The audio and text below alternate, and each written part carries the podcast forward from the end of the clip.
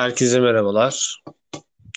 Beyaz Nokta'nın yeni bir bölümüyle daha karşınızdayız. Uzun bir ara verdik. Yaklaşık bir, bir aylık aramız var. Birazı özel bir durum, birazı başka iş, işsel durumlardan dolayı vesaire derken yeniden bir aradayız. Nasılsın Mert? Kemal teşekkür ediyorum. Program yapmayı da özledik. Futbol sohbeti yapmayı da. Derbi haftasında tekrar geri dönüyoruz. Umuyorum güzel bir yayın olur. Evet, umarız güzel bir yayın olur. Bugün açıkçası e, hakemleri falan konuşmayı düşünmüyoruz ama hakem konuşmak e, durumda kalmamak adına şimdi sana sürpriz yapacağım. Bunu hiç söylemedim. E, aslında konulara girmeden önce bu hakemle ilgili küçük bir takım e, verilerden bahsedeceğim. Bugün biraz e, instatı kurcaladık. E, şeyde işte biraz ofisteyken arkadaşlar. Yani topun oyunda kalma süresi diye tabir ettiğimiz süre var az çok bilirsin. Ee, o anlamda abi ligin hani en az oyunda kaldığı süredeki hakemler mesela hep kaşar hakemler abi. İşte Hüseyin Göçekler, işte Ali Palabıyıklar, işte Yaşar Kemal Uğurlular falan filan. Nedense mesela bizi hiç şaşırtmadı mesela oradaki bir takım hakemler. Sadece işte yeni hakemlerde mesela çok fazla. Mesela Erkan Özdamar falan vardı işte. Ee, bir de Çağdaş Atay vardı. E, yeni hakemlerin çoğu oyunu oynatmaya yönelik bir oyun sergilerken e, eski hakemlerin çoğunun aslında şunu da görmüş oluyoruz. Yani oyun oynatmaktan kastı biraz şeyle alakalı. Yani muhtemelen kondisyon seviyeleri çok düşük. E, ve hafta içi hafta sonu yaparken artık o güçleri kalmadığı için hafta sonları özellikle ilk maçlarında belli ki kendilerini biraz salma yapıyor diye düşünüyorum ben. Ve hızlıca da tekrardan e, ana konumuz e, derbiye geçelim. Derbide kazanan Galatasaray oldu. E, aslında iki takımda çok e, dengesiz bir performansı var sezon boyunca şu ana kadar. E, ve Galatasaray bu kez e, belki Beşiktaş'a göre bir tık daha iyi durumdaydı. Genel her ne kadar dengesiz bir durum olsa da ve iç sahada belki de sezonun e, en e, net bir galibiyetini aldı diyebiliriz. Her ne kadar 2-1 gibi görünse de skor Özellikle ikinci yarıdaki kaçan gol pozisyonları e, biraz e, maçın belki de 5-6 birlik, 6-2'lik e, bir galibiyet olacakken 2 bile tamamlamasına sebebiyet verdi. Ben açıkçası Icardi'yi çok beğendim. Ee, keza Raşitsa'yı çok beğendim. Ve Raşitsa muhtemelen sağ kanattaki yerini garantiledi artık tamamıyla. Yani bu maç bence onun artık yani kilidini kapatmış oldu diye düşünüyorum sağ taraf anlamında. Ee, muhtemelen sol bek artık bundan sonra Türk olacak. Ya Kazımcan ya Emre Taşdemir. İkinci yarıdaki Mertens performansı çok güzeldi. Ee, biraz daha o Napoli döneminden biraz e, esintiler sundu. Öyle söyleyebilirim. Genel anlamda Galatasaray ben başarılı buldum. Beşiktaş'ta ise e, defans hattı özellikle çok sıkıntılı. Yani Icardi'nin attığı ilk gol, sonrasında ikinci gol. Yani çok rahat. Icardi gibi bir golcüyü bu kadar rahat bırakmak e, sonrasında tabii cezasını böyle çekiyorsunuz. E, ben Galatasaray'ı beğendim ama açıkçası bu galibiyete çok sevindim mi dersen çok da sevinmedim diyebilirim. Yani beni açıkçası sevindiren bir galibiyet olmadı. Yani ben çünkü Okan Hoca'yı çok beğenmiyorum.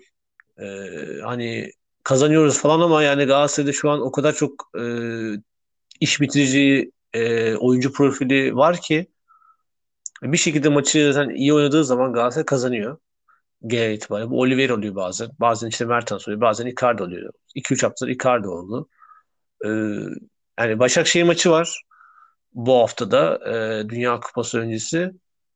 Eğer Galatasaray Başakşehir'de kazanırsa bu sefer hakikaten Dünya Kupası sonrası için e, Galatasaray bir imelenme ya da işte ne bileyim bir kulüp içerisinde bir e, havaya girme durumu olabilir ama yani ben sezon sonuna kadar Okan Buruk'la devam etmesi konusunda hala şüphelerim var. Hani ben sezon başında çok Okan Buruk destekçisi değildim zaten.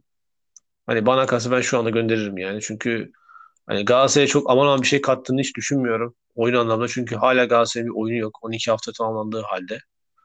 Ee, yani şu an yabancı bir hoca gelseydi zaten şu kadroyla hani en fazla artı 2 eksi 2 olurdu diye düşünüyorum. Çok bir katkısı olmazdı. Yani yerli hoca Okan Buruk'tan daha iyisini getiremezler yerli olarak. Hani bir tek Fatih Terim var. Fatih Terim zaten yeni gitti. Hani o anlamda ben Galatasaray'ı iyi buldum ama hani bu galibiyete çok öyle olumda baktığım söylenemez. Sadece Okan Buruk'un kredisi artmış oldu. Onu söyleyebilirim.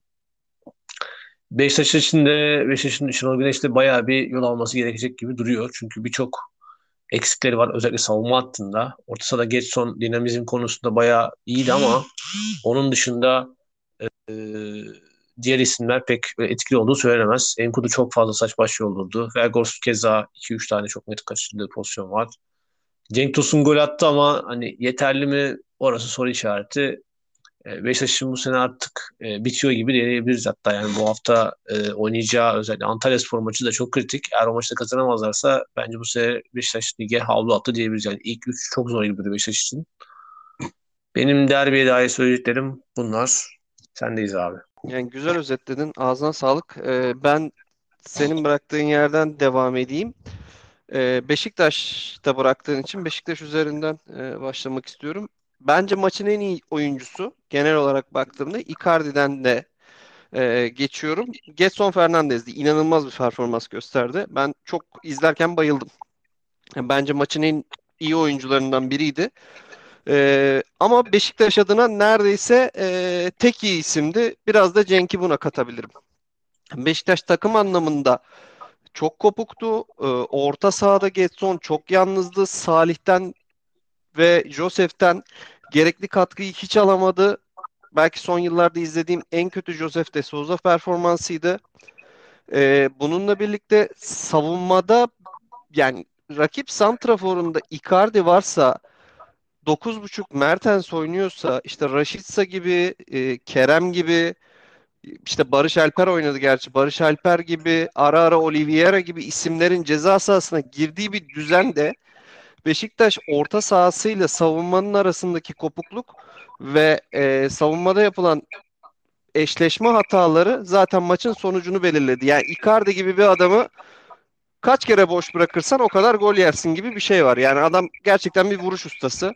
Ben çok iyi bir santrafor olduğunu düşünmüyorum. Çok iyi bir golcü olduğunu düşünüyorum. Yani çok iyi bir forvet oyuncusu değil. O üçüncü bölgede alsın, indirsin, dönsün, arkadaşlarını oynatsın, pozisyona soksun, alan boşaltsın.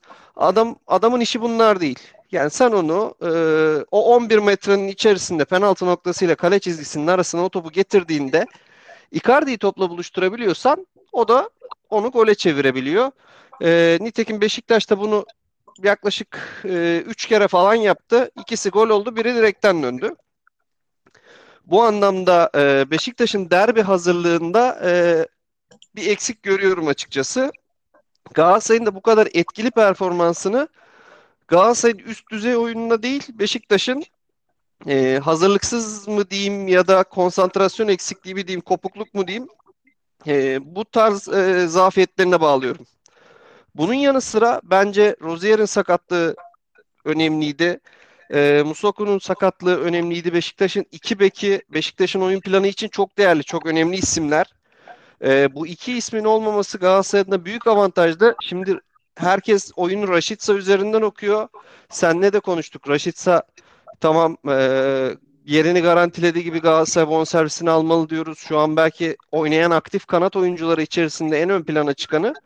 Ama Raşitsa'nın derbi performansındaki etkenlerden bir tanesinin ben yine e, Beşiktaş'taki e, bek konusunda yaşanan sıkıntı da olduğunu düşünüyorum. E, yine bir Gezal'ın eksikliği Beşiktaş'ın oyun kurmada boşluğa düşürdü. Yani e, Getson'a ayak uydurabilecek e, isim yoktu. E, üçüncü bölgede de ne Vegors'a ne Cenk'e e, çok fazla servis yapamadı. Cenk'le bir gol buldu. Yani Cenk'in bir kaçırdığı var. İşte son dakikalarda vurduğu var.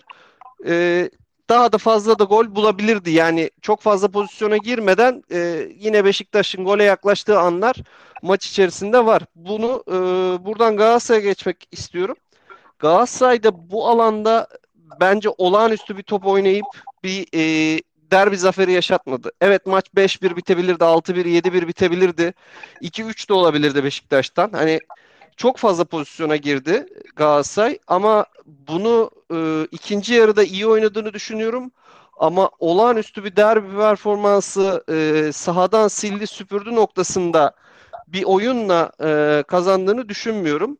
Galatasaray'da çok değerli bir şey var. Mertens'in bence verdiği oyun katkısı. Mertens, Icardi daha çok fazla da izleyemedik aslında. Baktığınız zaman yani 2-3 e, maçtır doğru düzgün bu ikisini aynı anda sahada takımla birlikte izleyebiliyoruz. Yani şöyle bir 10-12 maç üst üste oynasalar e, birbirlerini ezberleseler ben çok daha tehlike yaratabileceklerini çok değerli bir ikili yakaladığını düşünüyorum Galatasaray'ın ön bölgede. E, Raşitsa yine değerli katkılar veriyor. Barış Alper'in bence iştahı, e, fizik gücü, yıpratıcılığı değerli, önemliydi. Şu an için e, mevcut kanatlarda bu akşam da kupa maçının sonrasında program çekiyoruz. Barış Alper'i ve e, Raşit Say'ı ben de diğer kanatları içerisinde ön plana çıkarıyorum. Yani Yunus ve Kerem'in şu anki form göz önüne alındığında Okan Hoca'nın tercihlerinin Raşitsa ve Barış Alper Yılmaz olması bana doğru geliyor. Ee, burada son zamanlarda program çekmediğimiz için e, şu eleştiriyi yapmak istiyorum ben açıkçası. Evet e, Galatasaray tam kadro çıktı derbiye. E, savunmada e, Getson'un yani şey Nelson'un ve e, yanında oynayan Abdülkadir'in oyunu bence etkiliydi. E, Cenk ve Gors'a karşı oynamak çok kolay değil. E, onlar da ayakta kaldı. Ama e, ben yine de Galatasaray'ın e, Alanya maçında yaşattığı travmanın etkisi altında ol, olduğumu düşünüyorum. Ben ve birçok taraftarın e, camianın Okan Hoca'ya olan güveninin kırıldığı bir maç olduğunu düşünüyorum. E, her ne kadar derbi zaferi gelse de. Şimdi dün akşam Sivas karşısında geçeriz ona konuşuruz ama 10 kişi kalan bir Fenerbahçe'nin kendi ceza sahasına hiç yaslanmadan 40-45 dakika oynayıp maçı bitirdiğini gördük. Ee, geçen hafta Alanya maçında Galatasaray'ın yani geçen hafta dediğim tabii e, şey Karagümrük maçı oynandı. Karagümrük maçından önce ama e, Galatasaray'ın 2-0 öndeyken çok fazla pozisyona girerken Alanya çıkmada sıkıntı yaşarken tamamen e, 10 kişi psikolojisiyle birlikte geriye yaslanması sonucu Alanya'ya topu vermesi ve 2 gol yemesini gördük. Burada Okan Hoca'nın yapmadığı değişiklikler e, Kerem'e tahammül etmesi, Barış Alper e, ve Yunus gibi iki tane hızlı adamı hiç oyuna almaması, Alanya'nın arka alandaki boşluklarını hiç kullanmayı düşünmemesi, e, buradan bir gol çıkarabilir miyim düşüncesini komple silip atması, e, Okan Hoca'nın büyük takım performansına bence çok ciddi bir sekte vurdu. Evet hakem Ali Palabıyık, Ali, Ali Palabıyık'la ilgili biz senle sadece program yapmaya başladığımızdan beri onlarca kez konuşmuşuzdur. Yani kaç kez konuştuk ben hatırlamıyorum. Sürpriz değil. Hatayı yap yani yap, yapar yapmaya da devam edecektir. Sen bu adama e, hakemlik yaptırmaya devam edersen daha da çok böyle e, anlar görürsün. Onu geçiyorum. Hakem hata da yapabilir ama e, Galatasaray'ın Alanya maçını doğru resmetmesi gerektiğini düşünüyorum. Bence komple bunu Ali Palaba'ya yıkarak e, takımı, oyuncuları, hocayı kusursuz görmek Galatasaray'ı e, ileri taşımaz. E, burada bin, yani yine Okan Hoca'ya söyleyeceğim bir noktada e, Beşiktaş maçında da aynı şeyi yaptığı için söylüyorum. Skoru koruma psikolojisine girdiğinde oyuna stoper alıyor. Bunu da Emin'den yana kullanıyor. E, ben Emin'de o özgüveni göremiyorum. E, yani oyuna girerken heyecanlı özellikle girdikten sonra bir iki hata yaptığı maç da oldu. Bir tedirginlik de yaşıyor ve takıma da biz oyuna stoper alıyoruz. Skoru korumak zorundayız psikolojisi veriyor. Bunun da yine büyük takım adına bir hata olduğunu düşünüyorum. Yani Okan Hoca orada Emine alacağına ön bölgeye bir hızlı adam alsa ya da orta sahayı bir kişi daha arttırsa takıma bambaşka bir mesaj verebilecek, taraftara bambaşka bir mesaj verebilecek, tüm stada bambaşka bir mesaj verecekken e, stoper hamlesiyle her zaman ya bizim durumu korumamız lazım, geriye çekilmemiz lazım mesajı veriyor. Bu da Galatasaray'ın e, e handikaplarından bir tanesi. Evet. O halde Fenerbahçe'ye geçelim. Ee, Süper Lig'in şu anda belki de en formda ekibi. Hem cami olarak hem de takım ve oyun anlamında.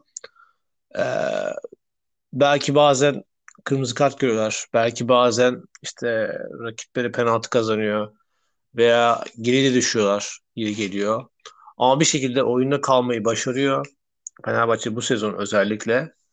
Ve Avrupa'da 2-0'dan 3-0'dan maç çeviriyor. Ligde kırmızı kart görmesine rağmen e, sahasında kazanmayı bir şekilde başarıyor.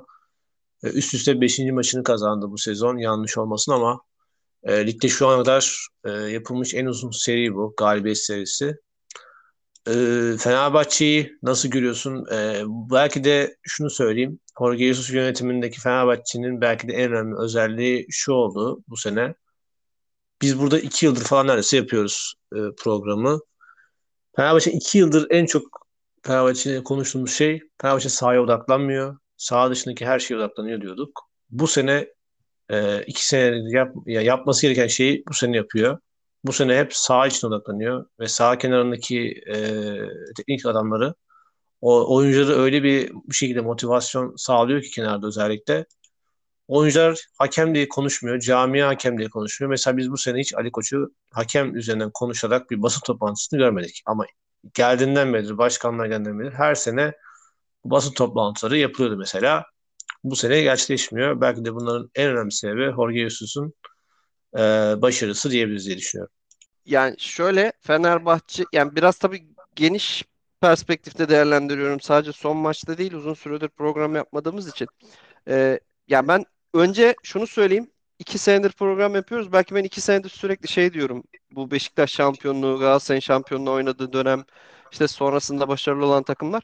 Bir takımın oyuncu havuzunda 13-14 oyuncusu olur. Hadi hep 15'in olur.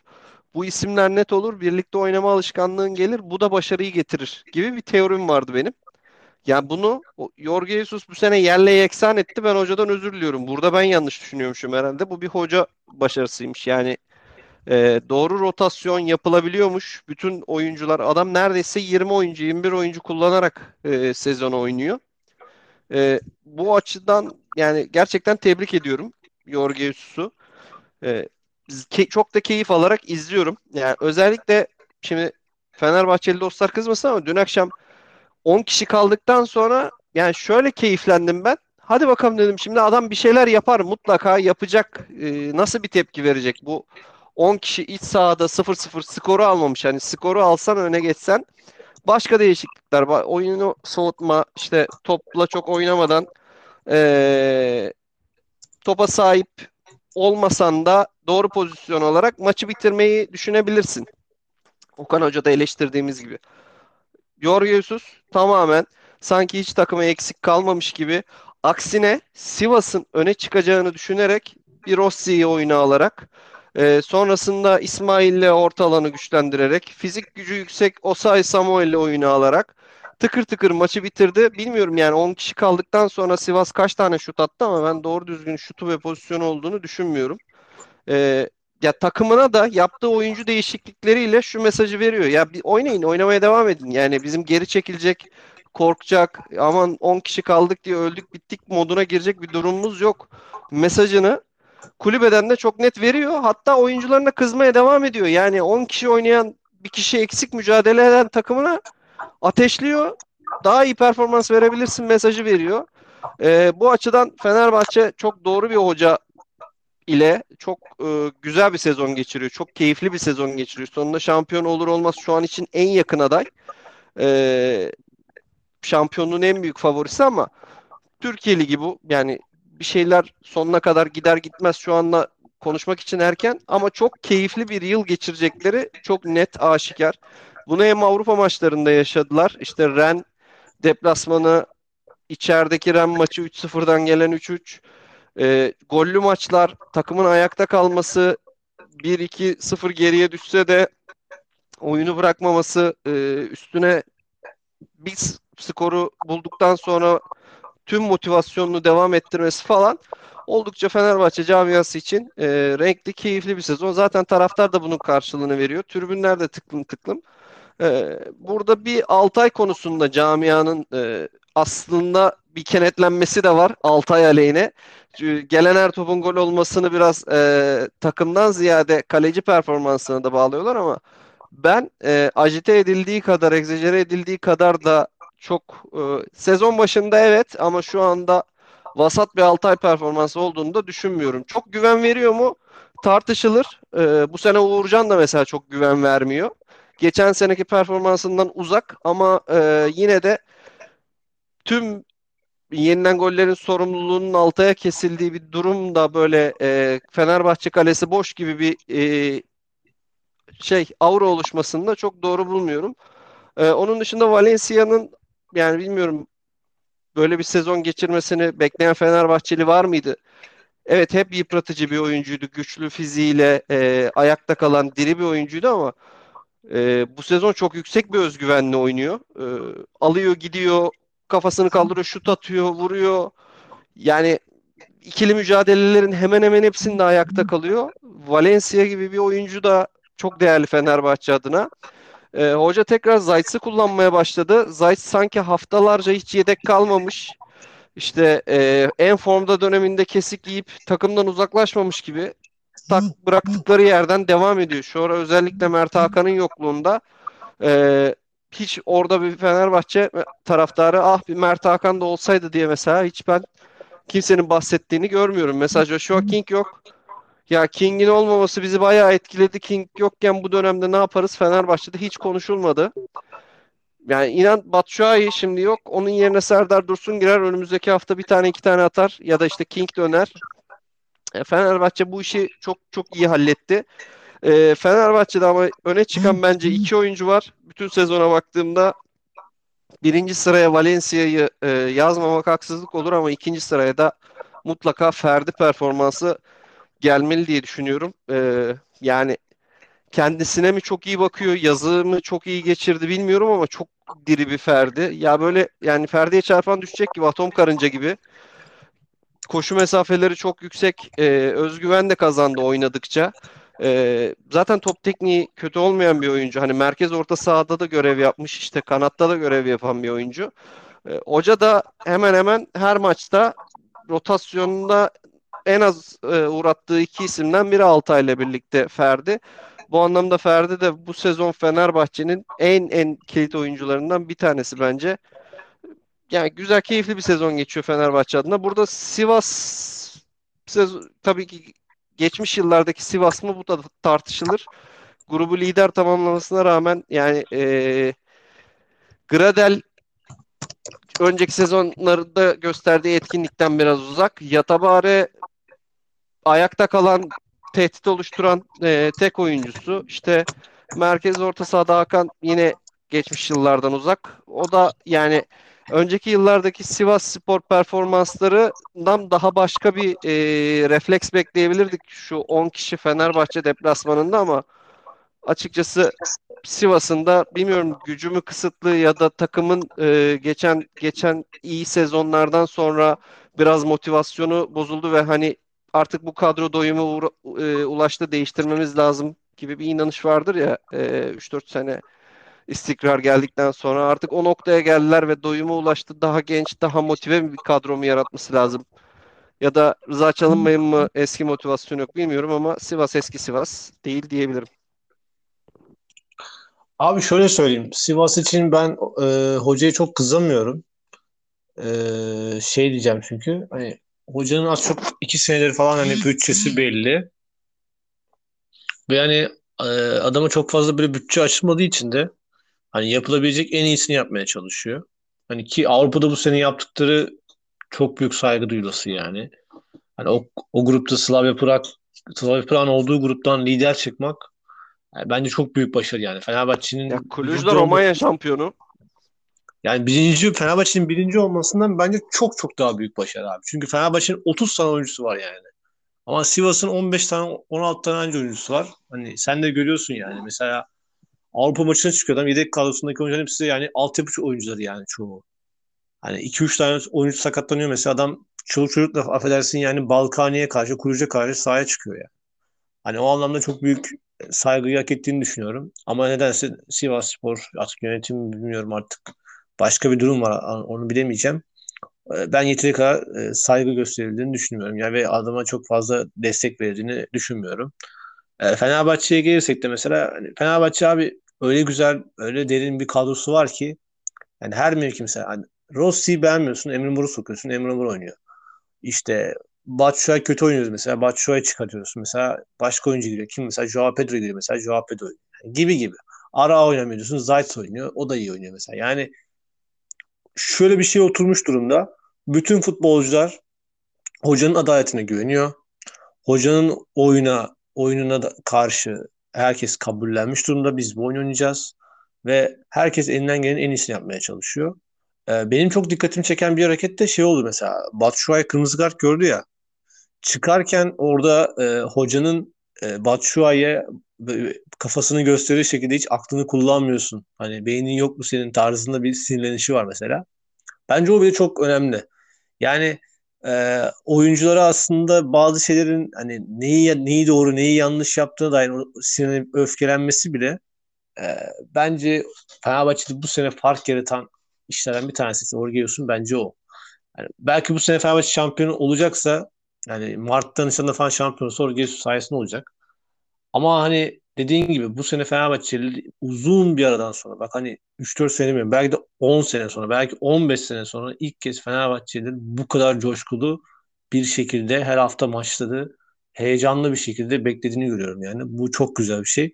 Çünkü biz yaklaşık 5-6 seneden böyle düzenli olarak Ali Koç yönetimi için söylüyorum. Son 5-6 senedir özellikle yani sürekli her hafta hakem konuşan bir Fenerbahçe taraftarı. Sürekli kendi takımla ilgili bir oyun değil e, işte hakemler, federasyon, MHK falan filan var var yok yok derken her sene ilk 10 hafta çok güzel iştahlı başlayıp herhangi bir hakem hatasını dış etmenlere tekrardan onun etrafında dönüp dolaşan ve sezonu heba eden bir takım vardı. E, bu sene tam tersi var. Yani bu sene baştan aşağı sadece oyun konuşan bir takım var. Oyun konuşan bir camia var.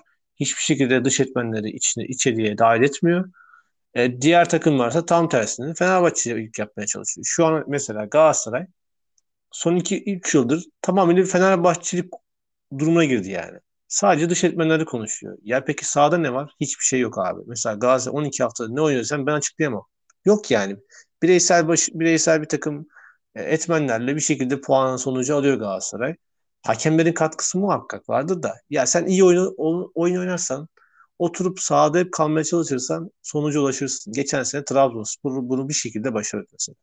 Bu sene Fenerbahçe mesela bunu bir şekilde başarıyor. Sen de başarabilirsin.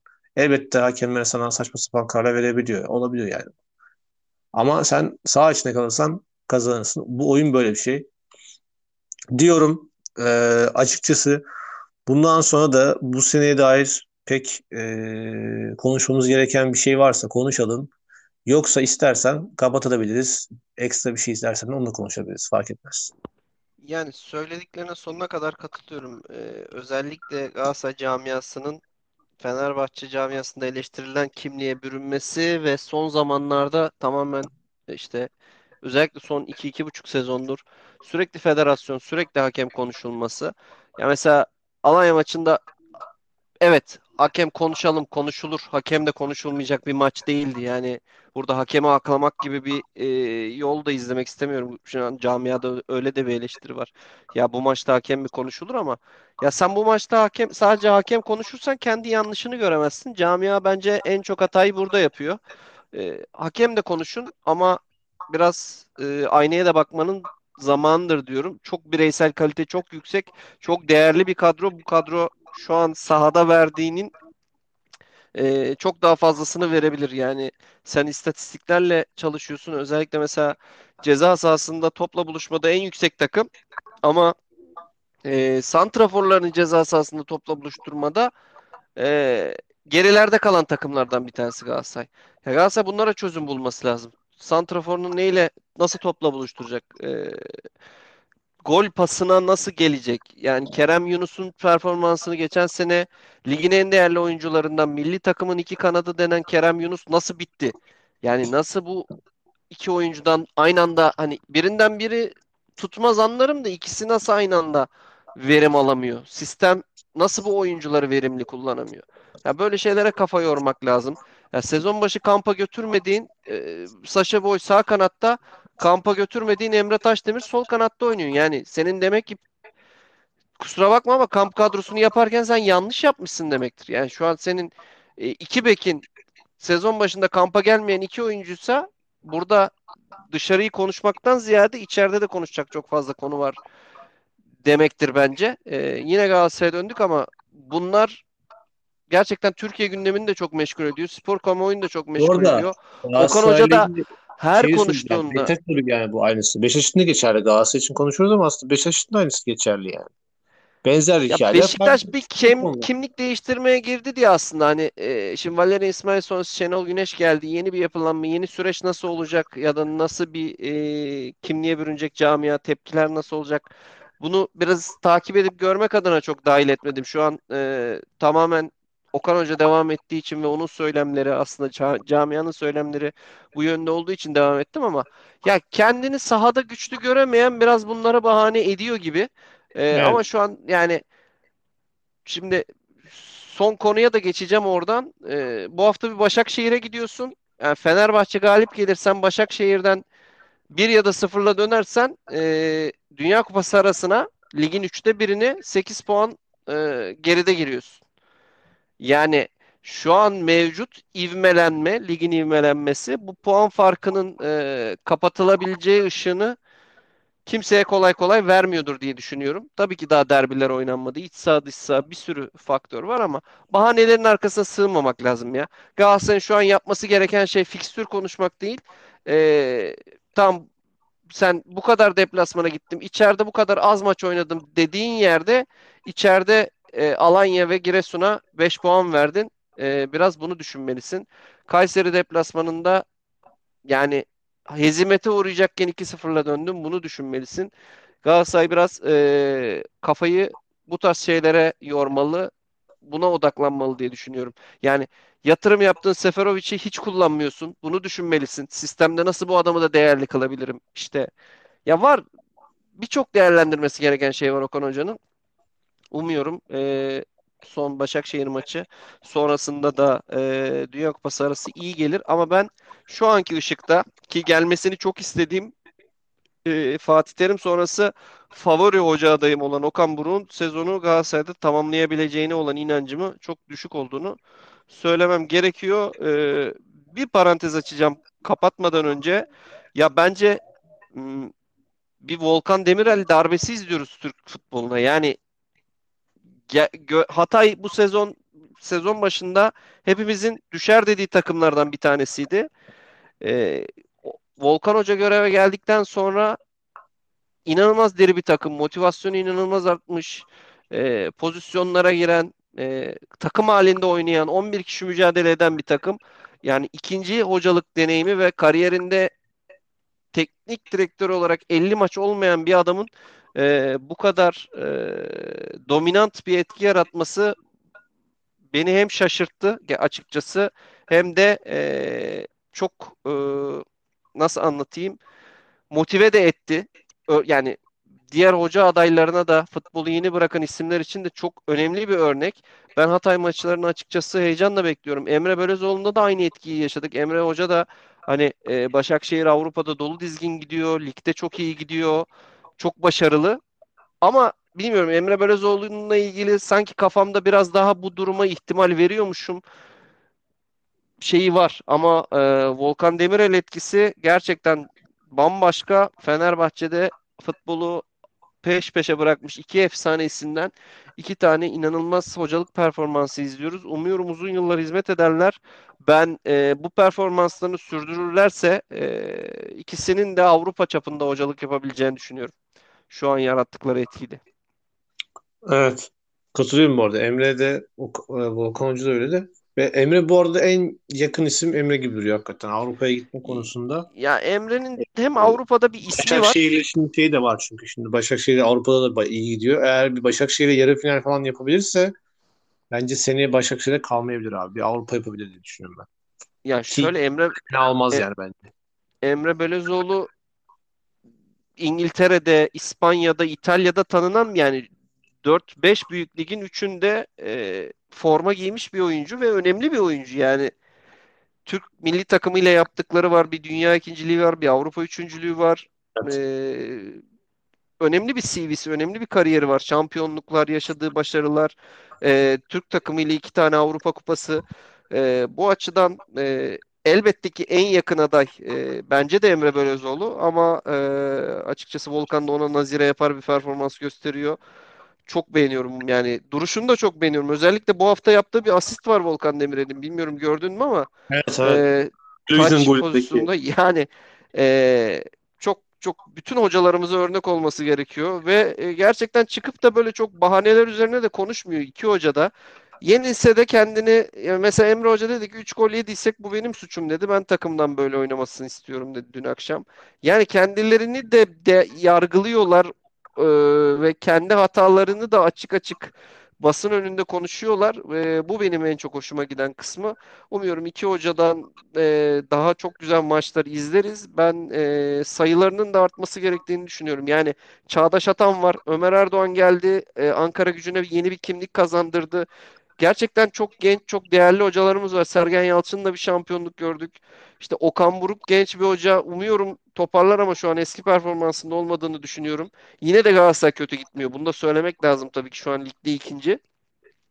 Yani e, Türk futbolunda iyi hocalar e, dönemi izleyeceğiz gibi geliyor ve artık aynı isimler işte Mesut Bakkal, Hikmet Karaman, e, işte Samet Aybaba gibi böyle 3-4 hocanın sürekli e, takım değiştirdiği düzenin sanki bir tık dışına çıkıyoruz. E, yeni alternatif isimler, yeni genç jenerasyon isimlerle e, başka bir futbol izlemeye başlıyoruz. Bu da beni heyecanlandırıyor. Ben bu e, devrimin tamamlanmasının ülke futbolunu geliştireceğini düşünüyorum. O halde ağzına sağlık diyelim. Bir sonraki bölümde görüşmek dileğiyle. Hoşçakalın. Ben teşekkür ederim. Görüşmek üzere. Hoşçakalın.